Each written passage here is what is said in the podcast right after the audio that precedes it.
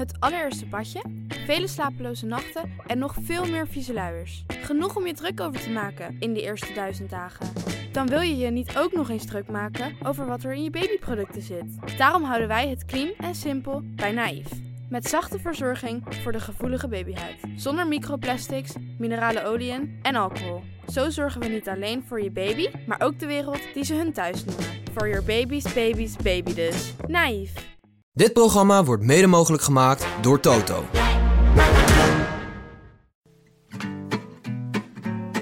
Vanaf de hoogste piek in de Tour de France, onze bank in Amsterdam-West. Dit is de zevende etappe van de Rode Lantaarn, de dagelijkse podcast van Het is Koers.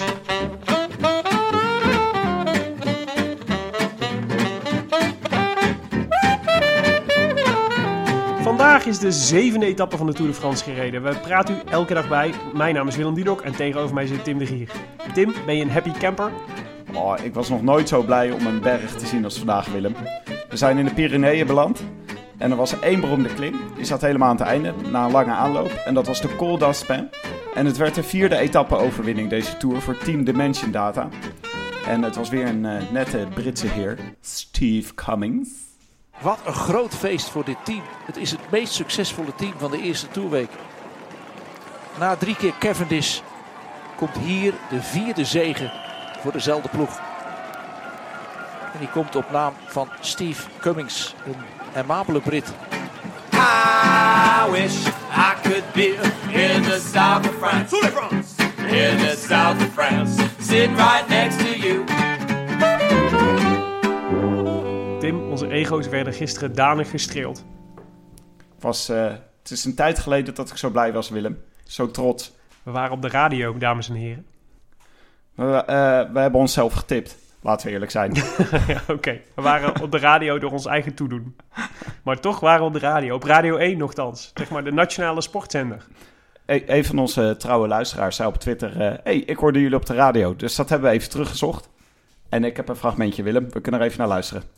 Hoor je Beetje, dan... beetje avondetappe Ja, muziekje zo- ja, eronder. maar het zijn gewoon twee wielervrienden van elkaar... die dan in 20 minuten een beetje de dag bespreken. Het is Ja. heel gezellig en je merkt de oprechte passie voor het wielrennen. En iedere dag eh, maken ze het. En eh, nou ja, ik luister het tot nu Ja. toe iedere dag. Een beetje de dag bespreken. Het, eh, en je hoort de passie. Nou, Nou, nee, ik, hartstikke leuk. ik vond het super, Anne de Jong. Dankjewel. Ik ook. Ik Weg was zie heel Anne. erg blij ons op de radio te horen. Hoe staat het ondertussen eigenlijk met onze ambities om in het peloton te geraken, Tim? Ja, Die we zo uitdu- duidelijk uitspraken in, eh, in aflevering 1. Ik had toch wel verwacht dat we inmiddels een uitnodiging hadden ontvangen. Van Ja. deze of gene. eerlijk gezegd had ik erop gerekend dat ik vandaag wel ergens in een, eh, in een eh, ploegleiderswagen in de Tour had gezeten. Ik heb al zo vaak vlijend gesproken over Oleg Tinkoff. We hebben tijdens de eerste etappe hebben we tegen elkaar gezegd... wat is, het, wat is eigenlijk onze ambitie voor deze podcast? En eh, we spraken daar eh, unaniem eh, onze verwachtingen uit... om in, de tour, in het peloton van de Tour terecht te komen. Ik zou graag de prijs uitreiken op, op de Champs-Élysées. Niet, hoeft niet per se aan de toerwinnaar, maar misschien de witte trui, de groene trui. Een van die. Lijkt me Ja. tof. Of een stukje meerijden in Ja, Parijs. Lijkt me volslagen realistisch wat we hier als doel poneren. nou goed, er zal vast een ploegleider luisteren. Bel ons. Via Het is Koers kun je zo aan ons nummer komen. En anders wel via Radio 1. Hoor je dit, Marijn Zeeman? Ik hoop het, want eh, Zeeman zeker had een goede dag vandaag. Eh, Ik eh, ga nu Hoezo? even, maak nu even een bruggetje richting de rectificaties. oh, oh, er is iets gebeurd namelijk in het team van Marijn Zeeman. Oh ja, de Iets wat wij zeker niet hadden voorspeld. Begin jij maar. Steven Kruiswijk, waarvan van wie wij gisteren zeiden dat we een gerucht hadden opgevangen via iemand op Twitter, die het weer van iemand uit een parkeergarage had, die het weer in, ergens in een eh, obscuur krantje had gelezen, dat die naar Katusha zou gaan. Steven Kruiswijk naar Katusha, eh, of naar de opvolger van Katusha. Dat eh, bleek niet helemaal het geval, want vandaag, juist vandaag, werd bekend dat Steven Kruiswijk had bijgetekend bij Lotto Jumbo. Nou, dat is toch een, een kwartier van onze aflevering van gisteren... die volstrekt onnodig is gebleken achteraf. Nou ja, onnodig, want we hebben gewoon de prijs opgedreven voor Steven. Hij moet ons super dankbaar zijn. maar dit is misschien geen genoeg nieuws voor onze ambities om bij, bij Marijn Zeeman in de, in de auto terecht te komen. Dat hij die Ah. twee ton net aan Steven Kruiswijk heeft uitgegeven. Overigens hoop ik wel dat hij eh, los van geld ook heeft onderhandeld... dat hij een beetje eh, mensen om zich heen krijgt die hem gaan beschermen in de Giro. Want dat was natuurlijk eh, een beetje een naadje dit jaar. Wij hadden met ons psychologische inzicht al helemaal voorspeld dat hij naar Katusha zou gaan, omdat ze daar wel op hem wilden inzetten tijdens de Giro, Ja. of tijdens de Tour. Oh, dat was, eh, was een hele slimme move geweest. Maar nee, Steven beslist anders. Dat is een goed recht. Daar is het, een, het is een volwassen jongen, die maakt zijn eigen keuzes. Daar hebben wij niks over te zeggen. Zo is het. Dan gaan we naar een, eh, een taalrubriekje. Ja, een eh, luisteraar wees ons erop dat eh, toen wij het over Morkov hadden, dat het eh, niet Murkuf was. Dus als je het zo zegt, dan klinkt het als moorkop. Murkuf. Murkuf. Het is Murkuf. Het is niet Murkuf, dus, maar het is eh, een Deense renner, dus het is Murku. Michael Murku. Murku. Murku. Murku? Oké. Denk ik zo. Denen. Ik had toevallig ook eh, twee Denen over de vloer de afgelopen eh, week. En die leerden mij wat de, de correcte uitspraak is van de naam Jacob Vogelsang. Weet je dat? Uh, Vugelsang, Nee, het is Jacob Voelsang. Voelsang. Maar het is toch minder belangrijk voor ons, want eh, rijdt, in, rijdt met de rode lantaarn, hè? Dat rijdt hij zeker. Dus onze grote favoriet. We zeggen nog één keer hi hi tegen Michael en dan hebben we het er nooit meer over. Oké? Dan eh, wilde ik het eh, rubriekje zelffelicitatie in het leven roepen, Willem. We hadden het eh, juist, de- onze intuïtie klopte. Nicky Romero en Daphne Schippers. Jouw intuïtie, onze intuïtie klopte. ja, dat was een heel goed, goede call van ons. Waar het niet dat het ook al drie maanden geleden in, in de blaadjes had gestaan. Bij de betere kapperszaken had je dit al, hadden we dit al maanden geleden kunnen lezen. Maar ja, hè? In de kwaliteitsmedia die wij dagelijks tot ons nemen. De New Yorker, de Groene Amsterdammer, daar tref je dit niet.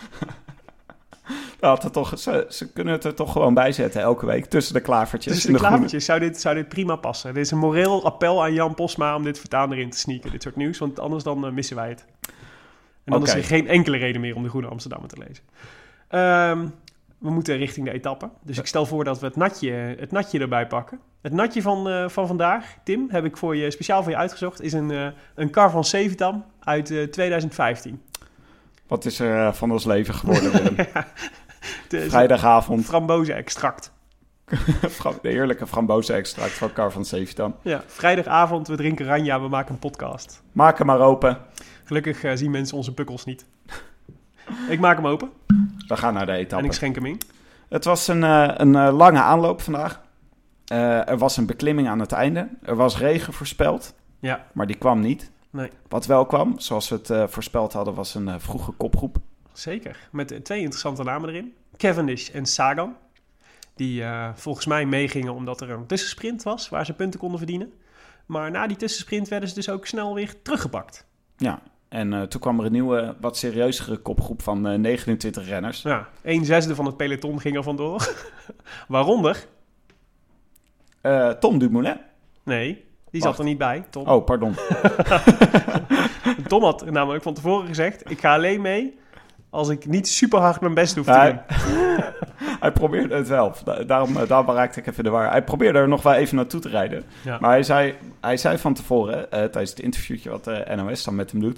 Toen vroegen ze, ga je dan eh, vandaag mee? Want we hoopten toch een beetje dat hij een, eh een Greg van Avermaat zou doen Dat vandaag. had gekund vandaag, ja. En hij zei, eh, alleen eh, als eh, de benen goed zijn...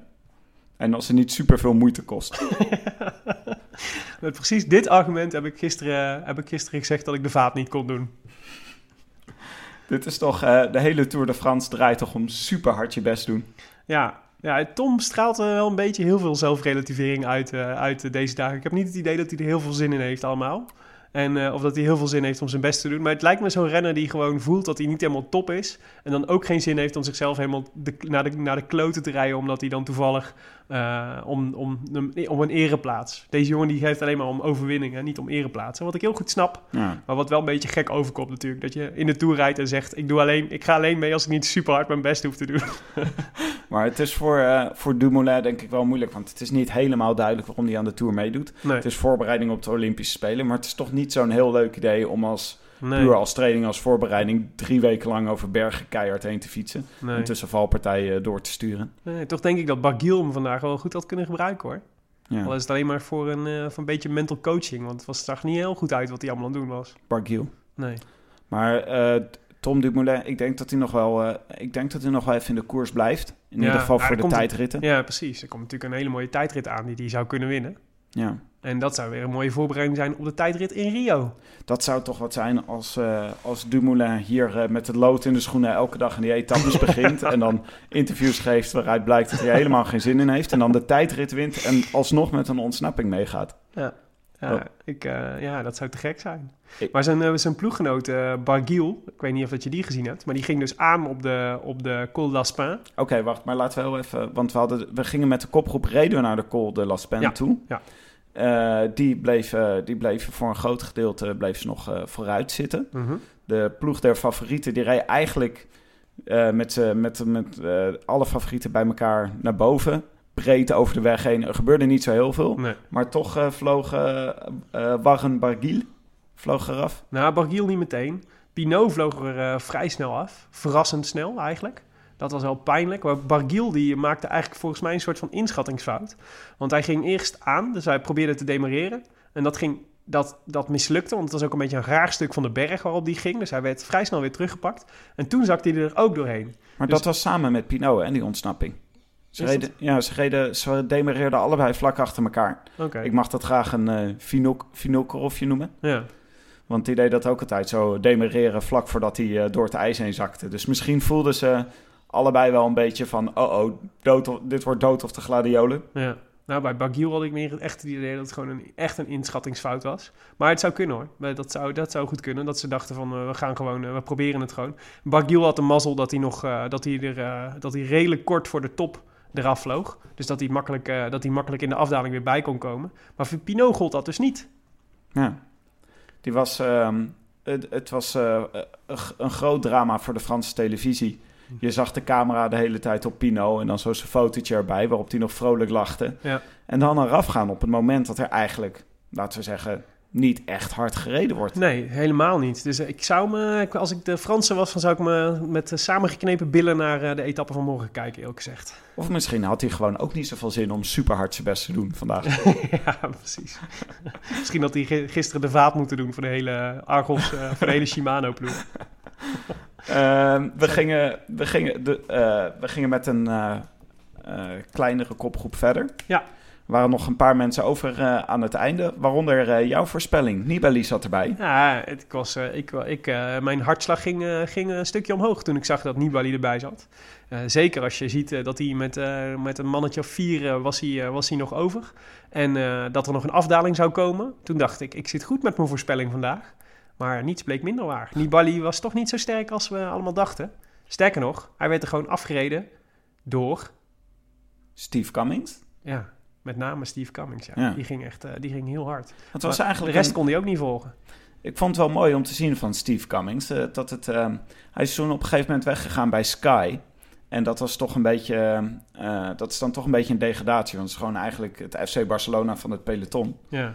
Maar hij is eigenlijk steeds aanvallender geworden. En dit was er eentje uit het schoolboekje eigenlijk. Dit is precies zoals je zo'n ontsnapping moet doen. Ja, ja, het was indrukwekkend. Ja, ik vond het ook best wel gek, eerlijk gezegd, dat hij eh, zo makkelijk... Wil je weet gewoon dat dit de manier is waarop Cummings weg gaat rijden. En toch liet het allemaal gebeuren. Dus hij had ook wel echt een slim punt uitgezocht. Een soort van verkeersheuvel die in het midden van de weg lag. Waar hij dan langs de ene kant ging en, de, en de, de rest van de groep langs de andere kant. Dus dat hij meteen een soort van voorsprong kon pakken zonder dat ze in zijn wiel kwamen. En ze hebben hem niet meer teruggezien. Ja. Dus het was echt, eh, ja, het was indrukwekkend toe. Maar hij is, hij is 35 volgens mij, Cummings. Dus het is ook wel echt een renner met heel veel ervaring. En hij weet gewoon hoe hij dit soort koersen moet winnen. En dat is echt, dat is wel waanzinnig knap als je het dan ook gewoon waarmaakt. Gewoon je goede, goede moment kiezen. Ja, Het is in het begin dan, denk ik, van zo'n etappe. Dan eh, hebben een aantal mensen hebben aanvalsplannen. En dan is het gewoon het goede moment kiezen om mee te gaan. ja. Dat is, eh, dat is ook een kunst. Zoals Jackie Durand altijd. altijd het goede moment koos, maar het dan niet af wist te maken. Al, nou, Jackie heeft best wel een keer gewonnen. En eh, eh, Cummings, eh, Cummings heeft het gewoon goed uitgespeeld. Maar Ja. ik denk ook dat, eh, zijn, dat het niet alleen maar strategie was. Want zijn, eh, zijn eh, medevluchters, dus eh, aan het einde bleef hij over met Navarro en Mhm. eh, Nibali. En Daryl Impey. En Daryl Impey, die konden gewoon niet met hem meekomen. Nee, ook Daryl. Impey, man. Een sprinter die gewoon Nibali eraf rijdt op de bergen. Dat moet pijn hebben gedaan, hoor, denk ik. Wat is dat toch met Voor Nibali? Vincenzo. Ja, ik weet niet. Hij is gewoon, nou ja, je zei het vorige keer al. Hij is gewoon niet zo goed als we denken, momenteel. Ja. Dus in de Giro, was, hij heeft de Giro natuurlijk gewonnen, hè, dus dan ben je wel goed. Maar ook daar was hij natuurlijk niet echt indrukwekkend. Ik bedoel, als Kruiswijk niet in die sneeuwmuur was gereden, als, als, als, dan had hij gewoon, had hij de, gewoon de Giro met drie minuten voorsprong gewonnen. Ja. Dus ja, weet je, dat was, is toch, het was niet zozeer dat Nibali de Giro won, als wel dat Kruiswijk hem verloor, volgens mij. En, eh, en het is natuurlijk, als je de Giro in de benen hebt, dan snap ik dat je, de Tour, dat je dan niet meer op je best bent. Ja. Maar ja, het vond het wel jammer. Het was, ik had, eh, nou, alleen al vanwege mijn prono had ik, hem, eh, had, ik, had ik hem graag zien winnen vandaag. Ik vind dat toch leuke renners. Het type renners zoals Nibali, die, die misschien niet meer op zijn best is, Ja. maar het altijd weer probeert. Ja. En een begenadigd daler is, wat ook altijd eh, voor vermaak zorgt en maar, en maar door blijft gaan. Hij denkt er niet over om af te stappen. En ik denk dat we hem gewoon weer gaan zien bij een, eh, bij een ontsnapping binnenkort. Misschien het. morgen wel. Ik hoop het. Ja, morgen is weer, eh, niet een, eh, is weer een afdaling aan het einde. Dus dat zou wel weer... maar ja, als je... Ik denk wel dat als je... Als, hij is vandaag wel echt in de aanval gegaan. En, en ook volgens mij vrij diep gegaan. Het lijkt me sterk dat je dat twee dagen achter elkaar kan. Volgens mij voel je dat ook wel echt hoor. En eerlijk gezegd denk ik... de, want de andere naam die we moeten noemen van vandaag... De gele truidrager. Krijg van Avermaat. Ja, dat was pas echt indrukwekkend. Ja, dat was bijzonder aan het groepje van 29 renners wat ontstond in het begin. Krijg Ja. van Avermaat zat er ook bij. Die Ja. werd nog door de andere renners een beetje zo aangekeken van... wat kom je doen? Jij hoort niet mee te gaan met een ontsnapping. Jij hoort in peloton te zitten. Ja. Ja, iemand op Twitter zei volslagen terecht dat er, omdat er zo'n groep van 29 renners wegging en de gele truidrager in die, eh, in die groep zat, was eigenlijk dat, dat Froome en eh, Quintana feitelijk gewoon in de gruppetto, eh, in de bus aan het rijden waren. Wat natuurlijk terecht is. Maar het is een, wat is de strategie van Van Avermaat? Ik vond het briljant. Dus kijk, normaal gesproken zou je zeggen... eh, dit soort etappes moet je als eh, gele truidrager proberen om de schade te beperken. Dus zorgen dat, eh, dat je zo lang mogelijk in die gele trui blijft. En eh, Van Avermaat had bedacht... ja, de beste manier om dat te kunnen doen is eh, aanvallen en mee in de groep. Want dan kan ik... eh, dan, eh, die had gewoon bedacht... eh, waarschijnlijk gaan, eh, gaan de grote jongens gaan nog niet los... En, eh, en eh, waarschijnlijk vinden ze mij nog niet zo'n groot gevaar dat ze me niet laten gaan. En dan kan ik misschien nog een beetje eh, mijn voorsprong uitbouwen. En hij bleef er en heel lang aan zitten, wat, wat ik echt super knap vind. Want die, hij heeft dus ook gewoon gisteren volle bak gereden. Dus hij moet, hij moet zoveel pijn hebben gedaan in zijn benen. Ja. Maar misschien geeft die gele trui ook wel weer extra kracht, dat weet ik niet. Ik heb nooit in een gele trui gereden. Jij wel? Nou, wat, ik, wat ik mooi Ik vond... kan me herinneren dat ik jou... Ooit één keer in 92, één dag. Ja. Na een ontsnapping.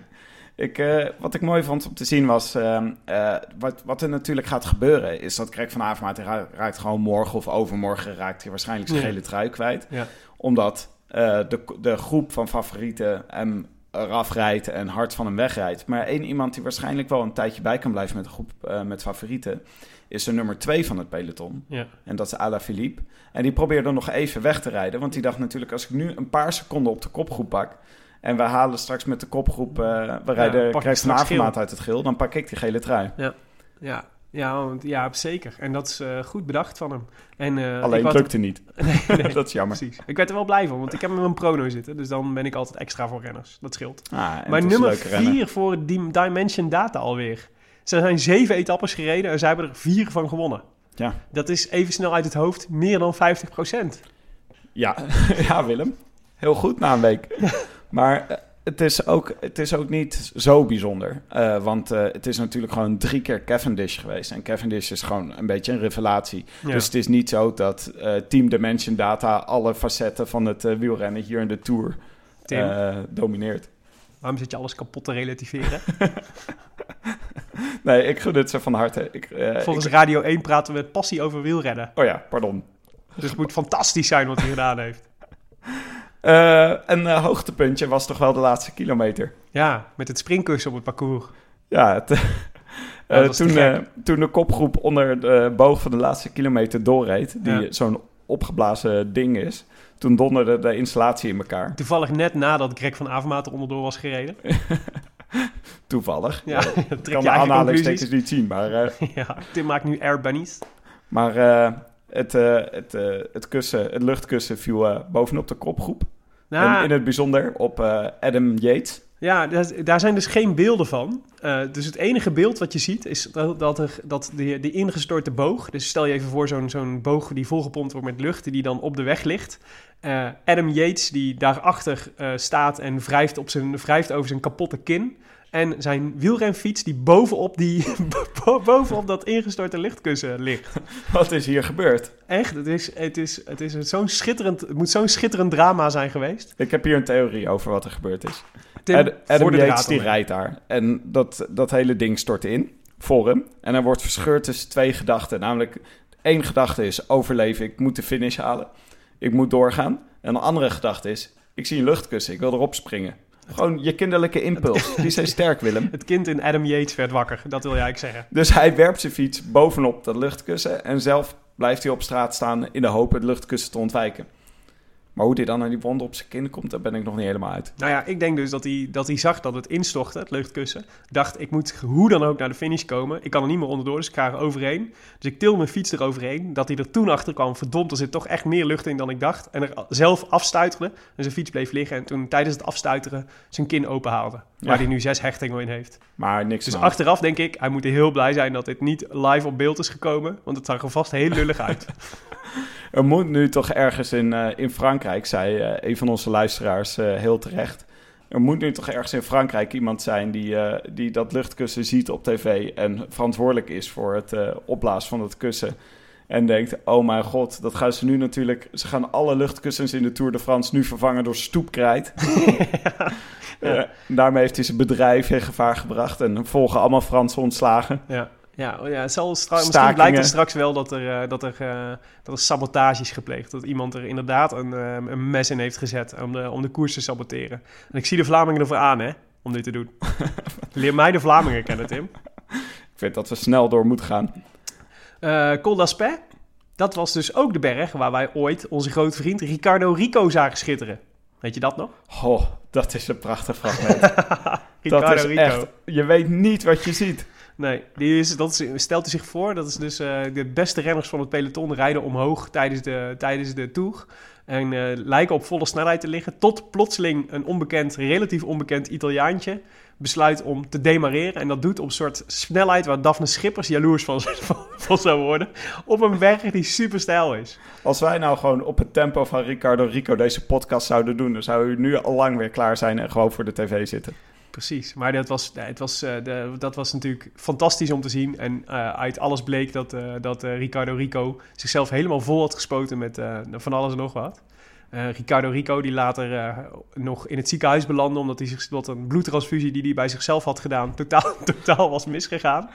En later daarna nog een keer gepakt is terwijl hij doping wilde kopen. Hij is zelfs ook nog een keer op heterdaad betrapt. Waarschijnlijk de enige renner ter wereld. Maar ehm, ja, dat was mijn figuurtje. Hij heeft overigens ook nog, eh, had ook nog, heeft ook nog even onder contract gestaan bij ons hè, Tim. Ja, dat was een eh, hele rare tijd van vakantie hele rare Toen ze ineens Ricardo Rico en eh Mosquera hadden ze toen ook. Ezequiel Mosquera kochten. Ik denk dus echt nog wel eens terug aan die tijd. En het was echt... Ja, we hadden het gisteren over Rob Ruig hier. En over, over Johnny Hogeland en zo. En dat soort jongens die in de Vuelta in één keer een, soort, een paar topseizoenen hadden. En daarna eigenlijk weer een soort van in de vergetelheid raakten. Ik, ik weet niet zo goed hoe ik daar aan- met de bril van nu naar moet kijken. Oh, ik kijk er met heel veel liefde op terug. Ik vond het heel erg leuk. Ik ook. Over met heel veel liefde op terugkijken gesproken. Heb je gisteren de avondetappe gezien? Eh, ja, ik heb de avondetappe zonder geluid gekeken. Oké. Dat zag er goed uit. Leuk, leuk. Interessant, gekeken, interessant experiment. Gewoon alleen maar om van de schoonheid van Dione de Graaf te kunnen genieten. Ja, zeker. En Herman de Scherman. En Herman de Scherman. Dat snap Heb ik. jij gekeken, Willem? Ik heb wel gekeken, ja. En eh, Jeroen Blijlevens zat er, die ik eh buitengewoon een sympathieke gast vind. Eh, al is het alleen maar omdat hij uit dezelfde streek komt als ik. Eh, en omdat ik altijd voor hem juichte als hij weer eens massasprints won. Maar ehm, die eh, heeft dus een paar, volgens mij twee jaar geleden toegegeven dat hij in het, eh, in het slechte tijdperk, waar we het gisteren ook al even over hadden, de, de, de, de, de TVM-affaire, dat een, van de, dat een deel van de spuiten EPO die ehm, in beslag genomen werden op de Spaans-Franse grens, eh, voor hem bedoeld waren. Eh, en dat hij, dus, eh, dat hij dus toegaf dat hij in zijn carrière doping had gebruikt. Maar ik vind het ook nog steeds zo onvoorstelbaar. Dan wordt daar een soort van heel onschuldige vraag over gesteld bij, eh, bij de avondetappe. Het gaat de hele tijd een soort lyriek over zijn prestaties. De ene na de andere prachtige massasprint wordt uitgezonden. En dan gaat het even over, over de doping en hoe hij dat beleefd heeft en hoe hij zijn schorsing ervaart. En die jongens schieten dan totaal op slot. Die Ja. kunnen gewoon niet meer, die willen daar gewoon niet, eh, weet je wel, een soort van raar gemediatraind standaard zinnetje komt daar dan uit over dat we, ja, we moeten naar de toekomst kijken en we moeten de huidige generatie wielrenners niet bezoedelen met, eh, met eh, wat, er toen, wat er toen allemaal gebeurde.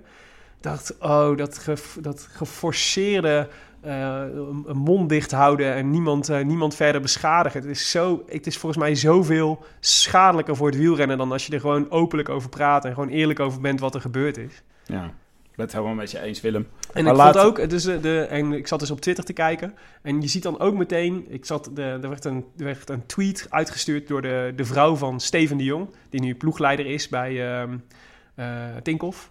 En eh, die dan die precies dit zegt. Dus die dan eigenlijk zegt, of eigenlijk precies tegenovergestelde zegt, namelijk knap dat Blijleven zijn, eh, zijn, eh, zo rustig bleef bij, eh, bij al die vragen over doping. Het moet over de toekomst gaan. En dan zie je wie dat retweet en wie dat, hè, Bogert onder andere.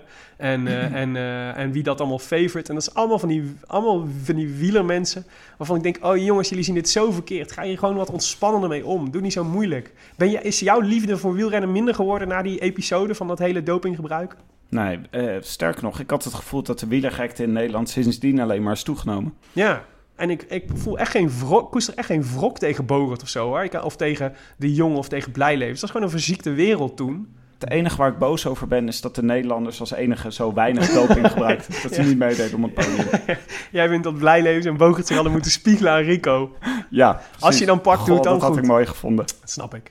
Oké, laten we niet meer naar het verleden kijken. Laten we doorgaan met de toekomst, Willem. Laat, laten we doorgaan naar de toekomst. Precies, de etappe van... eh nee, de Glazen Bol Cup moeten we doen. Niemand Ja. altijd goed. Punt. De- Ja, weer geen winnaar vandaag, want Nee. het was natuurlijk een vlakke etappe en onze luisteraars zijn... zijn eh, Geen vlakke Het etappe. was geen vlakke Het een etappe en onze luisteraars zijn eh, niet, niet goed als, het, als we de berg ingaan. Precies. Tot nu toe.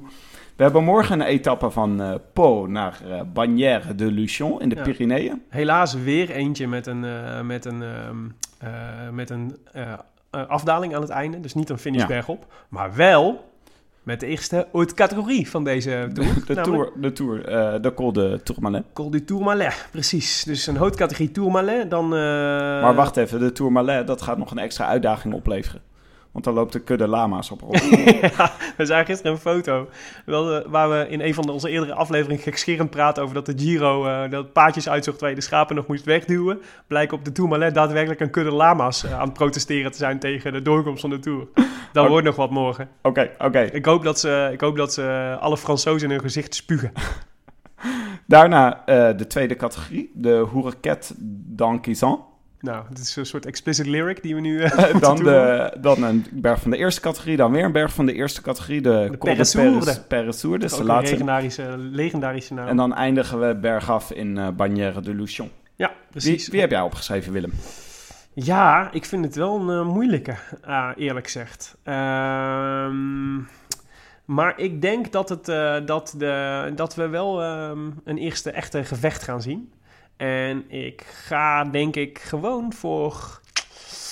Ik ga voor Bauke Mollema morgen. Hm. Bauke Mollema. Vind je daarvan? Nou, je verwacht het eerste gevecht en dan verwacht je dat Bauke Mollema Ja, ik denk dat winnaar Mollema bijblijft. En ik, denk Ja. dat, eh, en ik denk dat als de finish echt bergop was geweest, dat, dan had ik voor Froome gekozen. Maar ik denk nu dat er Hmm. een klein groepje overblijft, dat Mollema daar eh, bij is aangeklampt en dat hij dan de eindsprint wint. Ja, ik verwacht Nee, eigenlijk... nee, nee, zo gaat het. Zo zal het gaan. Oh, Dus- pardon. nee, ik verwacht Rafael Maika. Ehm, die is al een paar keer is die meegereden, maar hij heeft nog niet echt een keer serieus meegedaan. En die wint altijd. Het zijn toch een beetje dit soort etappes. Hoewel een finish bergop misschien nog beter is voor hem. Maar eh, misschien al eerst eh, spektakel morgen. Met eh, waarschijnlijk eh, de eh, Skybots, eh, de autobots van Sky. Die zit niet zo naag te doen over Sky de hele tijd. Misschien wilden ze ons net wel uitnodigen om langs te komen. Pardon. We moeten wat opportunistischer gaan podcasten, Tim. ik bedoel, de, de halfgoden van Sky. We moeten met passie praten over Sky. Nee, maar Willem, Mhm. ik denk, eh, ik verwacht dat morgen Sky gewoon hard voorop gaat rijden en dat een heleboel mensen eraf moeten. Dat er wel een kopgroepje is en dat Maika met het kopgroepje mee is en het gaat proberen morgen. Oké. Wat jij wil. Oké, Ik denk van niet. goed. Dit was het weer, Tim. Etappe 7 van de Rode Lantaarn gepresenteerd en geproduceerd door mijzelf, Willem Dudok, en jou, Tim de Gier. Met eh, heel veel dank aan Het Koers, de wielerblog van Nederland en Vlaanderen. En ook veel dank aan Johnny Wonder, communicatiebureau voor het digitale tijdperk. Als je wil reageren op deze uitzending, dat kan. Via Twitter zijn we te bereiken uh, via Willem Dudok en Tim de Gier. En als je het nou leuk vond, moet je ons even helpen. Want dat vinden we leuk. Laat bijvoorbeeld even een recensie achter via iTunes. Uh, en uh, dat gebeurt namelijk vaker en dat vinden we leuk. Uh, Zo'n recensie helpt ons ook weer omhoog te komen in de iTunes top 10, zodat andere mensen het weer kunnen ontdekken. Zo is het. En zo kregen we bijvoorbeeld een recensie van Arnold Rijneveld. Die schreef, ha fijn, een tourpodcast met wijn. Zelfs leuk voor iemand die bar weinig van de tour snapt, maar desondanks graag meegesleept wordt in dit jaarlijkse stukje folklore. Om indruk te kunnen maken bij de koffieautomaat, maar ook leuk omdat alle, uitroepteken, recensies hardop voorgelezen worden. Klopt, Arnold. Wow. Alleen jammer van de Schultenbrouwers sluikreclame in, aflevering, in de aflevering over etappe 3. Doe mij maar gewoon wijn. Oh, nou hij zal blij zijn met de kar van Zeekamp. Dat slecht hè, zo'n zo sneer aan het einde. Een hartstikke leuke recensie krijgen we dit. Willem. Arnold, ik ben, uh, ik ben, blij om het, uh, ben blij dat je de moeite nam om ons eventjes een shout-out te geven op iTunes. En ik hoop dat nog vele mensen zullen volgen. Willem, morgen nog meer Pyreneeën. Een hele dag eh, voor de televisie zitten. Dat is wat wij, eh, wij gaan doen morgen. Ik doe vast de gordijnen dicht en doe ik morgenavond om eh, 9 uur pas weer open. Als de avondetappe begint. Tot morgen. A biento. A biento. I wish I could be in the south of France. In the south of France. Sitting right next to you.